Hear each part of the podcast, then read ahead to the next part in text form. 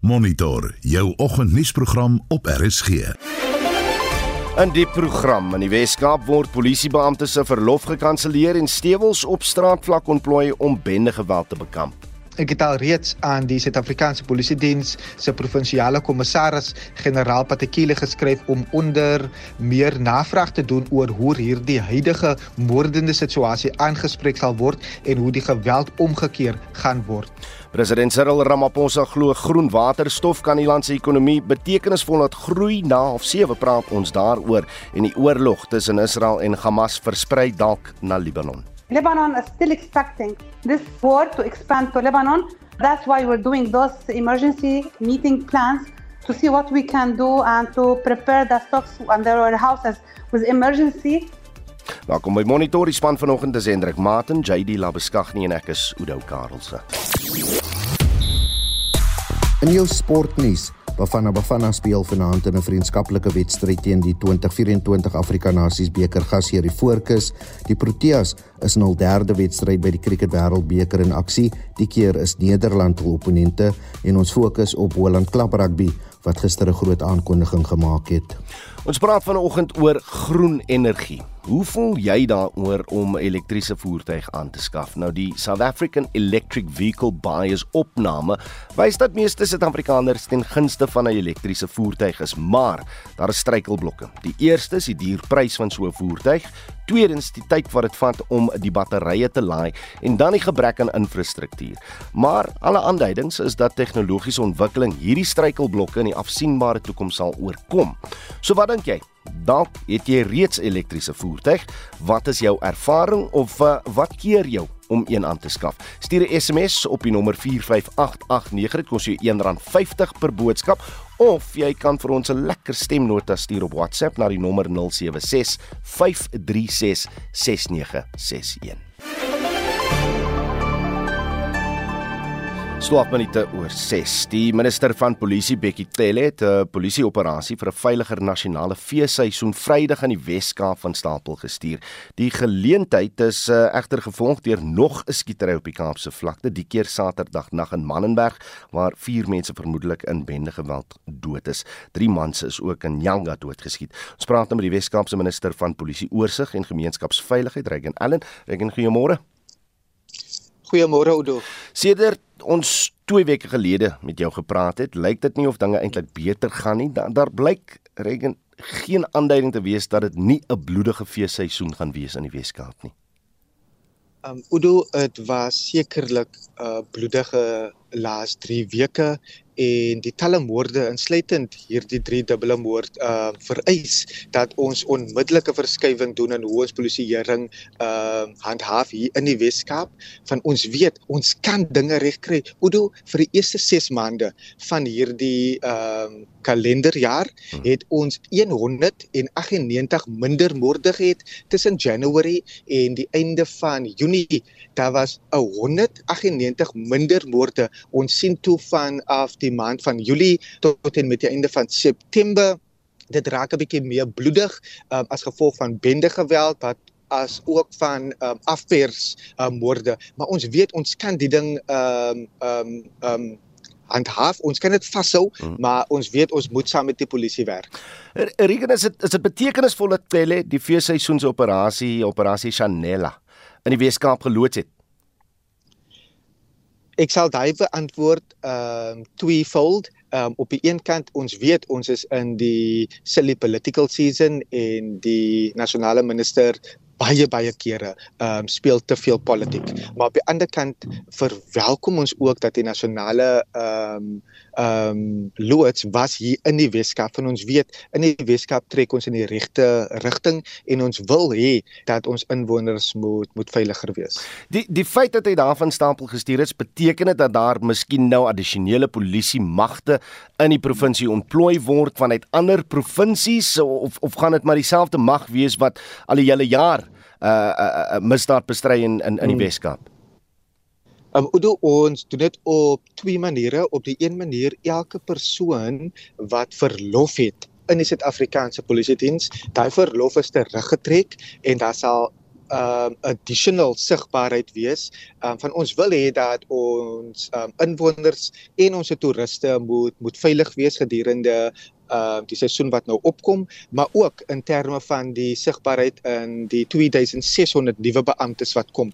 En ek hoor uh verlede week Vrydag dat die minister herhaaldelik praat weer eens van die 2600 nuwe beamptes wat kom, maar hy stop om te sê dat daar's ook diegene wat die diens sal verlaat um en ook dat ons kort eintlik 8000 maar ons verwelkom die 2600 um, van ons weet ons het vordering gesien Udo en ons weer as ek dink aan aan aan Nyanga. Ehm hmm. uh, dit was harde werk tussen die Suid-Afrikaanse Polisie Diens, ons liepe amptes en verskeie ander wetstoepassers in Nyanga om eh, om Rika uh, jammer te verseker dat hulle nie 'n moordsyfer is nie. Hou hou gaan net vas. Hierdie 2600 beamptes waarvan ons nou praat. Wanneer gaan hulle by die hmm. mag aansluit? Waarvandaan kom hulle? Het dit enigiets hmm. te doen met hierdie feesseisoen? Ehm uh, dit is deel van die feesseisoen van hulle kom in by Desember. Hulle kom van die training college af en sekerlik hulle sal hulle opvoeding gekry het maar hulle moet nog baie baie ervaring ehm um, um, opdoen. So die 2600 wat inkom ehm um, is nuwe polisie uh, beamptes wat deur die uh, training college kom. Regan Allen is die Weskaapse minister van polisie of vir polisie oorsig en gemeenskapsveiligheid.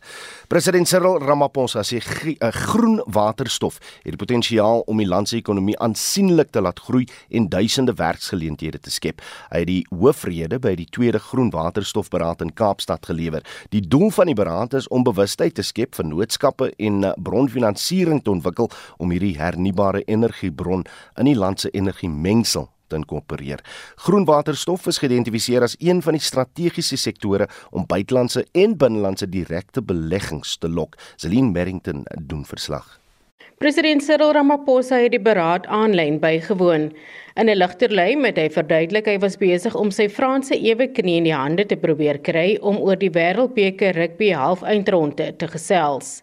I've spent the better part of the morning trying to speak to President Macron just to commiserate, but we have not been able to talk.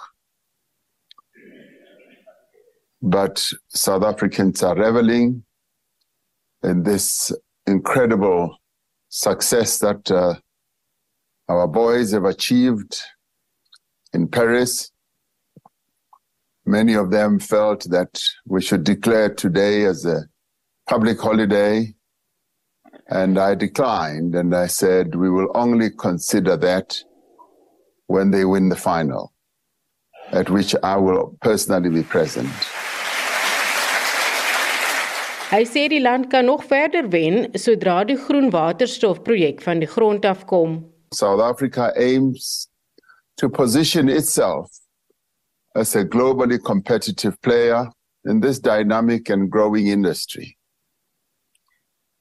The South African investment strategy, which was approved by our cabinet earlier this year, lists green hydrogen as one of the big frontier strategic sectors that is expected to attract foreign and direct uh, domestic direct investment. It has been estimated that the hydrogen economy has the potential to add 3.6% to our gross domestic product by 2050 and approximately create at the minimum 370,000 jobs. Now, being South Africa, where jobs are scarce and our unemployment is significantly high, this would be no mean feat. In fact, it would be a major boost. En dit kan ook help om plaaslike emissies te verminder. South Africa has committed to ambitious emission reduction targets. Our own estimates indicate that green hydrogen has the potential to remove 10 to 15% of our domestic emissions and contribute to our nation's long term energy security. Ramaphosa het rolspelers gevra om te belê om die regering te help om 'n doel van 1 miljard dollar in beleggings te bereik in die groen waterstofbedryf.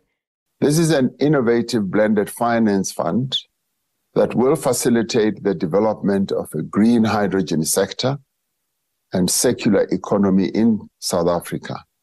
South Africa H2 aims to secure $1 billion in funding raised directly in South Africa or via indirect channels. The fund is a partnership of private and public enterprises, both sourced locally and globally. And we're finding tremendous interest in this fund. Dit was president Cyril Ramaphosa, Zelin Merrington, Kaapstad. En net na 7 praat ons oor groen waterstof wat dit is en of dit regtig iets vir ons ekonomie kan beteken. Israel het 28 nedersettings naby sy noordelike grens met Libanon ontruim. Dit volg na gevegte tussen Israel en die Hezbollah militante groep in Libanon. Marlene Forsie het met Gian Kaise, die koördineerder van die Afrika Moslem Agentskap in Libanon gepraat. Sy sê hulle is bang dat die oorlog na Libanon sal uitbreek of, of liewer uitbrei. As you know, we share borders with Syria and with uh, Palestine. And we have borders with Israel side where uh, Israelis live. So what we are doing is that in the south of Lebanon, it's starting six days ago, the bombings from Israel to Lebanon is affecting the south. Many civilians people died. People are leaving uh, these villages that is close to the borders with Israel and going to other safer areas. And there are so, and Lebanon is still expecting this war to expand fan to Lebanon. And that's why we're doing those emergency meeting plans to see what we can do and to prepare the stocks and their warehouses with emergency because this happened uh, and they are expecting to happen shortly. This will affect the whole Lebanon, not only South Lebanon, it will affect Beirut and all other areas. Can Lebanon afford this, Gian? For sure, no. Lebanon is already struggling under uh, economic crisis. Uh, and Lebanon is a small country. We have only 4 million Lebanese. We have 2 million refugees. 80% of the families live below the poverty line. So if we got the war, this might affect all Lebanon, all Lebanese, all refugees inside Lebanon. And this will be a big humanitarian tragedy that will affect everyone. We wish war will not expand to Lebanon, but sometimes it's not in our hands.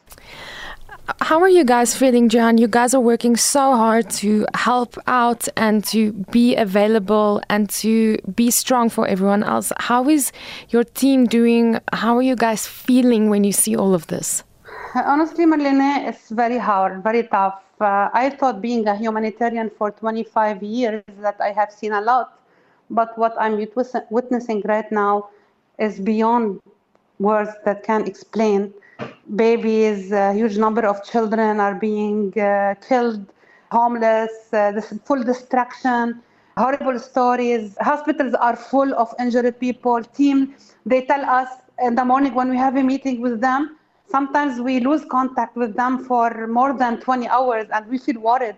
They tell us if something happened to us, please take care of our families. They, they know when they go on humanitarian missions to help people in need, they know they might not go back, come back. So sometimes we feel worried about them all the time, about all the teams, and it's really very tough to know that you are doing working under the risk in order to help people. Because they told me, if you don't help those affected by the war, who will help? This is our duty now, and even if it's a big risk, but we we don't know what to do. But when we reach the babies and we rescue lives, uh, and we give them the urgent need they they need so we don't lose more lives. This makes a difference, and this makes us push when they rescue a, a child and they he's still alive or she's still alive. They just feel that this worth it. En dit was Jan Keise van die Afrika Moslem Agentskap in Libanon in gesprek met ons Marlene Forsie. Ons bly by gebeure in die Midde-Ooste en praat nou met professor Antoni van Nieuwkerk van die Thabo Mbeki Afrika Skool vir Internasionale Betrekkinge. Antoni, goeiemôre. Dankie, Oude, goeiemôre. As ons teruggaan na die begin, weet ons nou al 10 dae later wat die rede vir Hamas se verrassingsaanval was. Sjoe, uh, daar's eintlik nog spekulasie.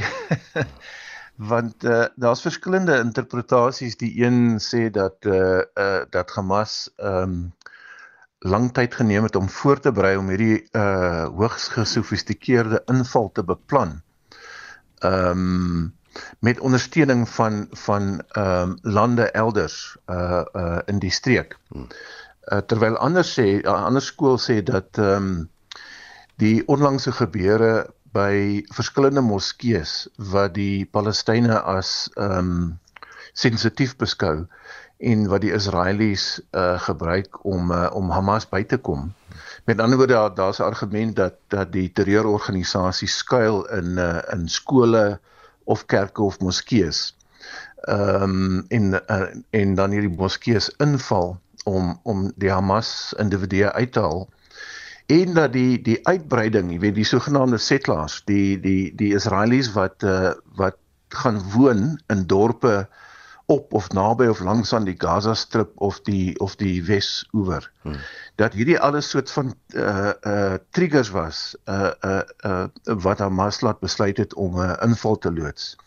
My my interpretasie is dat uh, dis nie die eerste keer dat uh, hierdie tipe van konflik uitbreek nie. Jy weet in die in die wat is dit 75 jaar hmm. van die bestaan van Israel was daar al 4 uh groot oorloë tussen die Palestynë wat sê ons het ons grond en ons land verloor, ons wil onafhanklik wees, ons soek iets en die Israelies wat sê ons lewensbestaan word bedreig, ons moet onsself verdedig.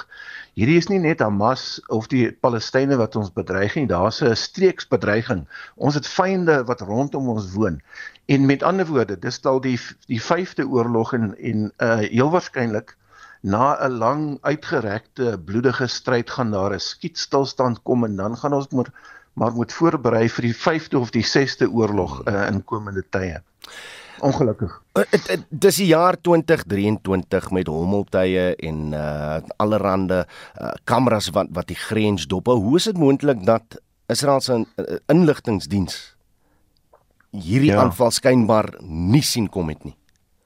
Ja, ja, hulle militêre inligting en ehm um, en hulle intelligensiedienste, ja. Ehm um, Mossad, hulle is soort van wêreldbekend, hmm. jy weet vir hulle vermoëns om uh, om ouens dop te hou waar hulle ook al is. Dis so so bietjie soos die ouens van Rwanda. Hulle weet presies waar hulle vyande is of of hulle uh, of hulle die mense wat hulle dink hulle vyande is, waar hulle skuil in die land en in die buiteland. So daar's 'n argument wat sê dat uh die die die regering van Israel onder Netanyahu uh is redelik ehm um, uh, ongewild onder die bevolking. En ons sal onthou voor hierdie hierdie vyandelikhede, hierdie geweld uitgebreek het in die afgelope paar maande het het Netanyahu se se regering na 'n verkiesing, 'n koalisie trouens, uh um polities probeer om om hulle eie politieke beheer oor die land se stelsel te verbeter deur die die die die mag of die invloed van die howe te beperk. En omtrent die helfte van die Israelies wat nie gestem het vir Netanyahu se koalisie nie, was in die strate gewees om van Netanyahu ontslae te raak en van sy uh, sy koalisie. En uh, in hierdie proses uh, is die argument dat dat die dat Netanyahu en sy kabinet so gefokus het op hulle eie politieke oorlewing dat hulle nie die tekens raak gelees het van hulle intelligensiedienste en trouens die tekens raak gelees het van bure soos byvoorbeeld die Egiptenare wat gesê het hier is 'n beplanning aan die gang waarvan jy moet kennis neem nie. Trouens ek sou ook wou voorspel dat die Amerikaners vir net en jou gesê het jy jy moet kyk dan wat in jou streek aangaan want hier kom 'n ding. Die tekens was daar gewees. Maar ek moet vir jou sê dadelik by sy by sê dat die dat die kabinetslede van Netanyahu homself dink nie hy sal dit sê nie want dis embarrassing maar van sy lede van sy kabinet het gesê uh ons het 'n fout gemaak. Uh ons het misluk. Ons sal 'n ondersoek met lei sodra hierdie hierdie oop bedreiging verby is. Hm. ehm um, en hulle sal 'n paar ehm um, uh, uh hulle sal op 'n manier hulle hulle eie stelsels moet verbeter om ontslae te raak van hierdie intelligensie die ek ek dink intelligensie was daar Hmm. Maar die politieke besluitnemers het nie geluister nie. Dis wat ek probeer sê. Jy jy het nog gepraat van die Amerikaners. President Joe Biden gaan môre besoek af lê in Israel. Dit word voorafgegaan deur die Amerikaners wat maan moet die Gaza strook nie fisies beset nie. Gaan hy Israel toe om hierdie boodskap te beklemtoon dink jy? Ja, weet jy, Oudo, daar's nou 'n bietjie as mens uh, vroeër opgestaan het om te kyk na die nuus op Al Jazeera. sou jy gesien het daar's nuwe verwikkelinge so so uh, Anthony Blinken die die minister van buitelandse sake wat nou verklaar het dat hy 'n Jood is en baie trots is op Israel uh, hy sê ehm um, uh sorry, daar's 'n klank wat pla. Is jy alright? Kan ek praat? Ja, kan jy hoor? Ja. Uh, so Anthony Blinken uh, uh, reis nou in die streek rond en ehm um, hy het besoek gaan aflê by die bure en hy het nou gesê vir die Israelies ek kom terug na julle toe met 'n plan. En die plan wat ek ver oggend raak gesien het hy besig is om te dryf is om te sê ons het eintlik ek wil vir Israel voorstel om 'n humanitêre soort van hulppakket uh aan te bied sodat hierdie ding van die water en die kos en die elektrisiteit wat afgesny word en die verskywing van 'n miljoen mense uit die Gaza strook uit sodat die Israeliese weermag Hamas kan bykom en uitwis. Dit gaan nie werk nie want dit dis 'n katastrofe vir die mense wat bly in die in die Gaza strook. En ek dink hy is besig om te onderhandel met die met die streek en met die Verenigde Nasies en met Israel om te sê kom ons probeer 'n plan uitwerk om te verhoed dat die mense want daar's 'n 1000 kinders intussen dood en 3000 hmm. Palestynë is intussen dood. So dit is 'n uh, jy weet die in verhouding met die met die oorspronklike aanval is hierdie vergeldingsplan van die Israelies uh, nie baie aantreklik vir die meeste mense in die buitewêreld nie. Insluitende die Amerikaners, want as ek kan bysê, hmm. as die as die Israelies gaan voortgaan met hierdie plan, dan gaan hulle uh, die streek betrek by die konflik en dis die laaste ding wat ek dink die Israelies en Amerikaners wil hê. Byvoorbeeld die Iranese raak betrokke uh, of Hezbollah raak betrokke. 'n Humanitêre skietstaking is deur Rusland voorgestel uh, in die vorm van 'n VN Veiligheidsraad resolusie. Hy is deur die Veiligheidsraad verwerp. is dit 'n geval van soos hulle in Engels sê from whence it comes dat dat dit nie geslaag het nie? ja, ongelukkig moet ek vir jou sê, ehm um, een van die probleme in die, in die in die ontwikkelende nuwe wêreldorde as ek dit so kan stel, is dat ehm um, die rol van die Verenigde Nasies om konflik te besleg uh, om te bestuur, te verminder, te voorkom, voorkom het ons gesien in die Oekraïne werk nie en nou sien ons ook in die Midde-Ooste werk nie. Die rol van die Verenigde Nasies het verskraal. Jy weet arme Antonio Guterres hardloop rond uh en al wat hy kan regkry is om vir die partye tot die konflik te sê skep 'n humanitêre, jy weet, 'n uh, korridor. Uh, jy weet help om mense om te ontsnap van die konflik. Hy is nie daartoe in staat om om vredesprosesse te dryf nie. Uh en ongelukkig is dit waar die Verenigde Nasies op die oomblik is en die Veiligheidsraad is hopeloos verdeel. Jy weet jy het China en Rusland aan die een kant uh wat wat die nuwe uh, anker van die nuwe wêreldorde vorm en dan het jy die weste aan die ander kant die die die Amerikaners, die Britte, die Franse en hulle uh, op die veiligheidsraad en hulle probeer desperaat om die wêreldorde soos hy nou bestaan, die reëls gebaseerde wêreldorde uh in die vorm van kapitalisme en demokrasie aan die gang te hou en hulle word bedreig of uitgedreig uit uitgedaag hmm. deur hierdie nuwe BRICS, jy weet uh, uh uitgebreide blok. So wat ek probeer sê is dat hierdie konflikte wat ons sien uitspeel in Oekraïne en die Midde-Ooste en dalk elders in komende maande is alles tekens van 'n verdeelde uh uh wêreldorde en ons is nog nie op die punt waar ons kan sien waar die stabiliteit vandaan moet kom nie. En dit was professor Antoni van Nieuwkerk van die Dabombeki Afrika Skool vir Internasionale Betrekkinge. Wêreldnuus. Ek die skeper sluit nou by ons aan met die jongste wêreldnuus gebeure. Ons begin met besonderhede van wat daar in die Veiligheidsraad by die by die VN gebeur het gister. Dis reg, die Verenigde Nasies se Veiligheidsraad het 'n Russiese resolusie verwerp waarin Rusland vra vir 'n onmiddellike humanitêre wapenstilstand tussen Israel en die Palestynse staat. Die konsepresolusie het 5 stemme ten gunste daarvan ontvang, 4 daarteen en 6 stemme is weerhou. Alle terreurdade word in die resolusie veroordeel, maar Hamas word nie by sy naam genoem nie. Daar sal later vandag oor konsep oor 'n konsepresolusie deur Brasilië gestem word. Die SAIK se Shaun Bryce Peace doen verslag vanuit New York. Several Western nations indicated they could not support a text that did not specifically condemn Hamas's killings in Israel that precipitated the latest escalation in violence, with Israel exacting revenge by bombing large parts of the Gaza Strip. More than 1,400 Israelis were killed, mostly civilians, while more than 2,800 Palestinians have been killed in reprisal strikes, also mostly civilians. en dan uh, kommer heers dat die Israel-Gaza konflik na ander lande kan oorspoel. Ja, die minister van buitelandse sake in Iran, Hossein Amir Abdullahian, het Israel gewaarsku teen moontlike aanvalle van gewapende groepe vanuit sy land. Iran sê hy sal die groepe ondersteun sou Israel met sy grondoffensief voortgaan.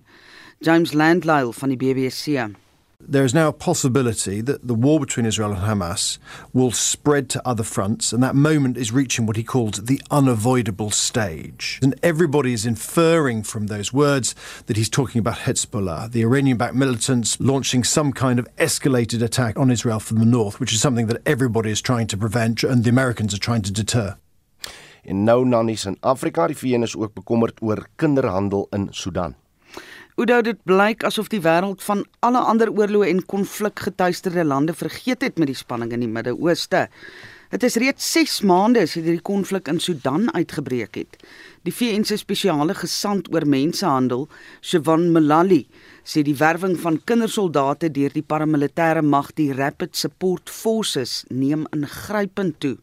Weeskinders en kinders van arm families in die buitewyke van Khartoum en Darfur word geteiken. Kinders sien die geleentheid as 'n uitweg om oorlewing. Meisies word of gewerf of ontvoer en seksueel uitgebuit. Malali sê enige moontlikheid om humanitêre toegang tot die kinders te verkry misluk klaaglik. En dit was Marlies Skeepers met 'n blik uh, oorsig op vandag se wêreldnuus gebeure. Jy luister na Monitor. Elke weekoggend tussen 6 en 7. 636 in die tweede helfte van ons program die hofwyse appel aansoek van die regering oor Zimbabwe se vrystellingspermitte van die hand. Die gewese openbare beskermer Busisiwe Mqobane sê lidmaatskap van die EFF sal haar help om die land se kwesbaarste inwoners te dien. En ons praat oor topgehalte beeste soos ons by die afgelope Nampo Alpha skou gesien het. Bly ingeskakel. Reg, ons praat vanoggend oor groen energie. Nou wil ons weet, ehm um, ja, e, e, sal jy 'n elektriese voertuig aanskaf? Dalk het jy reeds een aangeskaf.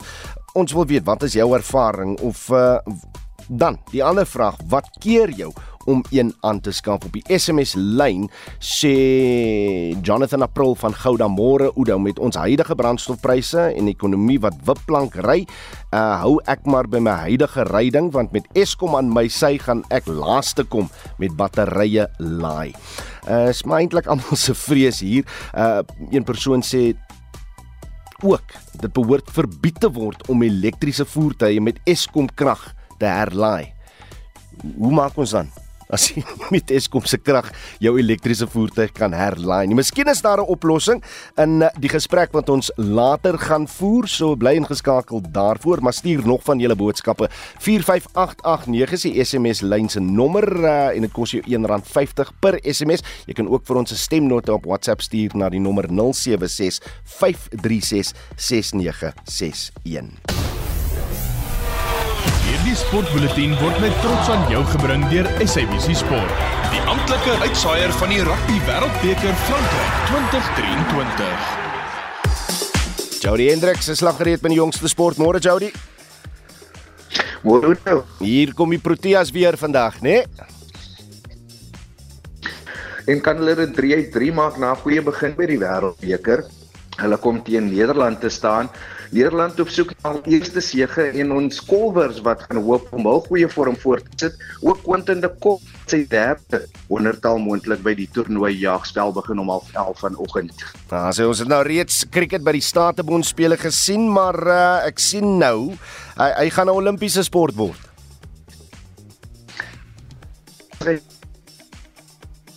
Jammer, bietjie van 'n probleem in die uh, lyn. Ek weet as beerkrag Jody jou sukkel bietjie met die lyn. Kom ons probeer net om uh, jou in 'n beter plek te kry. Kan ons jou nou hoor? Jody, is jy daar? Kan jy my hoor? Ja, sy, hy hy klink nou bietjie beter. Ja, ons praat net van cricket as 'n uh, Olimpiese sport. Ja, ek sê na besigheid van 'n 100 jaar gaan die spel sy terugkeer maak by die 2028 Olimpiese spele en die vraag is T20 of eendag krieket. Dis die debat wat nou daar op die oomblik aan die gang is. As hy Bafana Bafana ook vanaand in aksie. Se vriendskaplike wedstryd teen die Voorkus in die Voorkus. Nou die span se afrigter Jacob Broos was baie teleurgestel na sy span se vertoning teen Ierland wat teen die Vrydag waar hulle 0-0 gelyk op gespeel het en hy het gesê dit was een van die swakste things wat hy nog deur die nasionale span gesien het. Afskoptyd is van geleer. Nog sokker nuus en 'n aanval het die kragmeting tussen België en Swede gisteraand beïnvloed. Ja, dit was 'n 2024 Euro kwalifikasiewedstryd. Een was toe dit tyd afgelas is na oorval Swetse ondersteunende stadion. Nee, jammer Jody, ek gaan hom nou net klaar maak. Ons sukkel bietjie met die lyn, maar ja, wat Jody daar gesê het is 'n wat Jody daar gesê het is 'n uh, voorval waarin twee Sweedse ondersteuners buite die stadion doodgeskiet is. Toeskouers was gevra om binne die stadion te bly terwyl owerhede die situasie onder beheer probeer kry het.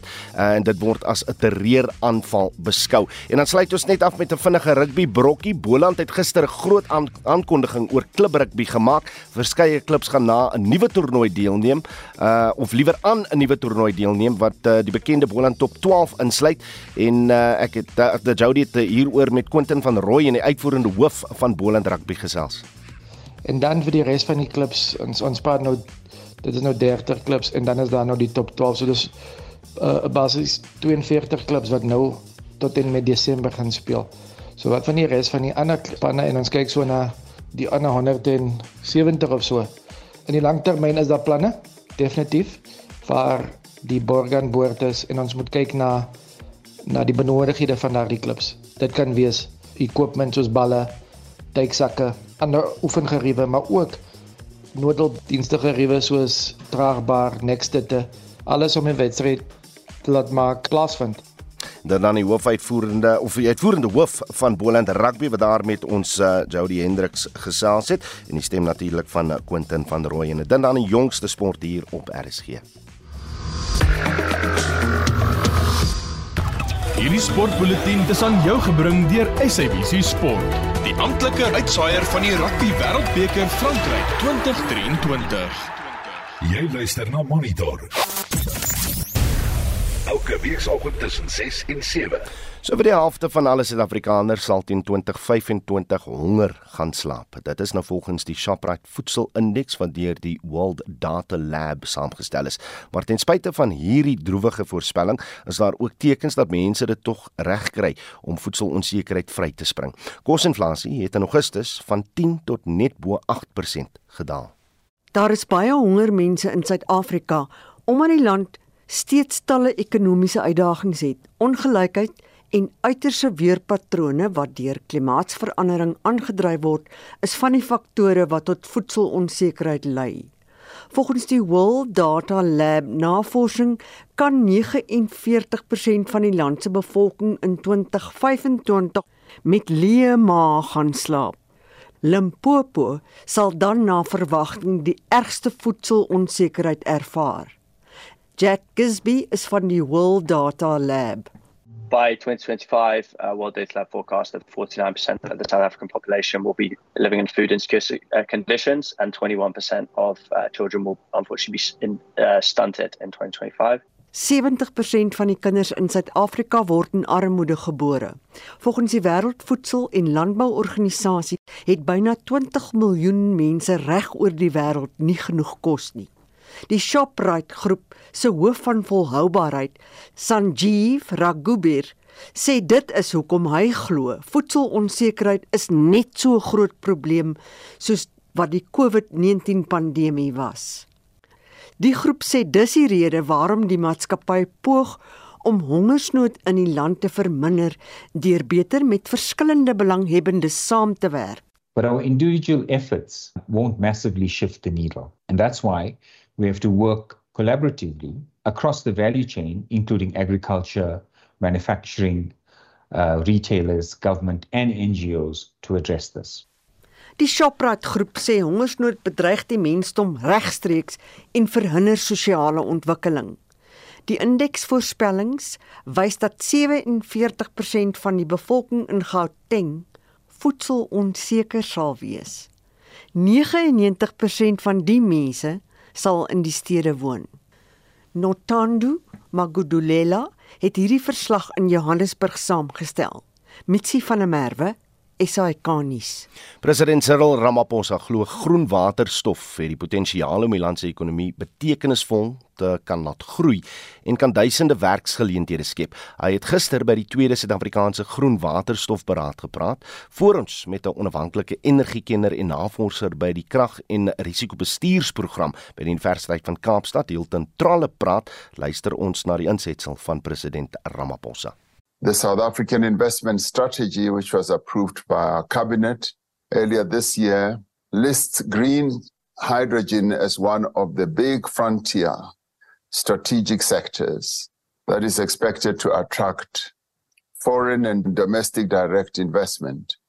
The hydrogen economy has a prominent role to play in our country's just energy transition providing employment and support to vulnerable workers, communities, and small businesses, and indeed also giving a great impetus to the growth of our medium and big businesses. Ons praat nou met Hilton Tralap. Hilton, goeiemôre. Goeiemôre Hendrik. En dis Oudo wat wat gesels hier. Net, voor Covid was O, daar groot nee, geen probleem nie. Net Sorry. voor Covid was daar groot verwikkelinge in in hierdie veld in. Um wat het tans gebeur en en praat net bietjie oor watter tegnologie groen waterstof eintlik dryf. Okay, if you don't mind, uh, Udo, I'm going to speak English. No problem. So basically, hydrogen is a gas. Uh, it's the most plentiful element in the universe and on Earth. Uh, quite simply, what uh, green hydrogen is, is when you take renewable energy, energy from things like solar panels or wind uh, turbines, and you put it into a thing called an electrolyzer, which has got water inside, and out of the electrolyzer comes the, what water's made out of hydrogen and oxygen, but hydrogen is a gas. So that then is called green hydrogen. And um, Yeah, yeah. The, the uses, yeah, the, and now the uses of green hydrogen, the main use that they're talking about in uh, uh, all their announcements is, in fact, to export this hydrogen to start with to European markets, because the agreements that we've signed have been with uh, the Dutch and the Danes and the Germans to export hydrogen. So, in the short term, the main benefits we're talking about is export revenues. In other words, uh, money that comes into South Africa, hopefully, if uh, fair conditions are set for these exports. And then the other benefit is the local renewable energy industry. But the main benefit is if that renewable energy equipment is made in South Africa. So, in other words, if the solar panels and the, the wind turbines are made here, the danger in this is that large. The remember the uh, the president there said medium and large businesses. Hydrogen is not for small industries. It's a it's an, a massive industrial undertaking to make hydrogen high tech, high pressure um, uh, pipelines, high pressure storage uh, facilities. It's a dangerous, highly flammable gas. Hmm. Hoe hoe- hoekom eh, Hilton is Suid-Afrika dan 'n gepaste plek om om hierdie bedryf te ontwikkel? So, so the main reason is our weather and also large amounts of land. So uh, we have what's called potential, abundant, cheap renewable energy as a huge potential resource, both for use locally in our electricity system, we could use it, and we're not enough. I can say a lot about that, hmm. but also as an export, the same as currently we export coal. We export 70 million tons of coal a year. So we could export this hydrogen that comes directly from the natural resource, the sun and wind in South Africa. Die die president het gister gesê dat daar bereken is dat die waterstofekonomie die potensiaal het om 3,6% tot ons bruto binnelandse produk by te dra en ten minste 350 000 werksgeleenthede te skep. J jou reaksie hierop? Uh, yes, it has that potential, and I, I, for one, hope that we can realize some of that potential. But what we have to make sure of is we don't get turned into another of these so-called uh, uh, petro states. You know, the, the, the countries which uh, big companies come into, and they just extract what they want, and they just leave poverty in their uh, uh, wake. And we know uh, this has happened a lot, especially in Africa where we have weak or young or non democracies. So, the number one thing we have to make sure of is that these projects are done on a transparent basis and that any public funding going into these projects is clearly, uh, we, we need all the information on that. And on that, I'm a bit disappointed to date because the first really big public funded, uh, uh, uh, it's called the Just Energy Transition Investment Plan. The whole plan was put together and announced internationally before we heard uh, in South Africa of the plan. Mm. So we haven't got off to a good start. And as you know, we have a huge danger in South Africa of any kind of uh, public funding. Uh, we've got a big problem with corruption. So I think this is something we really have to keep an eye on. And every time we hear these announcements, we must say, how much public money is in there? Exactly, and what is it being spent on? And we don't have enough information on that at the moment. Kom ek vra jou large amounts ja. of public money and debt of the South African government and public debt are being incurred for this. Kom ek vra jou dan is daar nie voldoende privaat sektor uh, be, uh, geldbesteding is in hierdie projekte nie gaan dit nie moeite werd wees vir Suid-Afrika om om om hierdie droom te jag.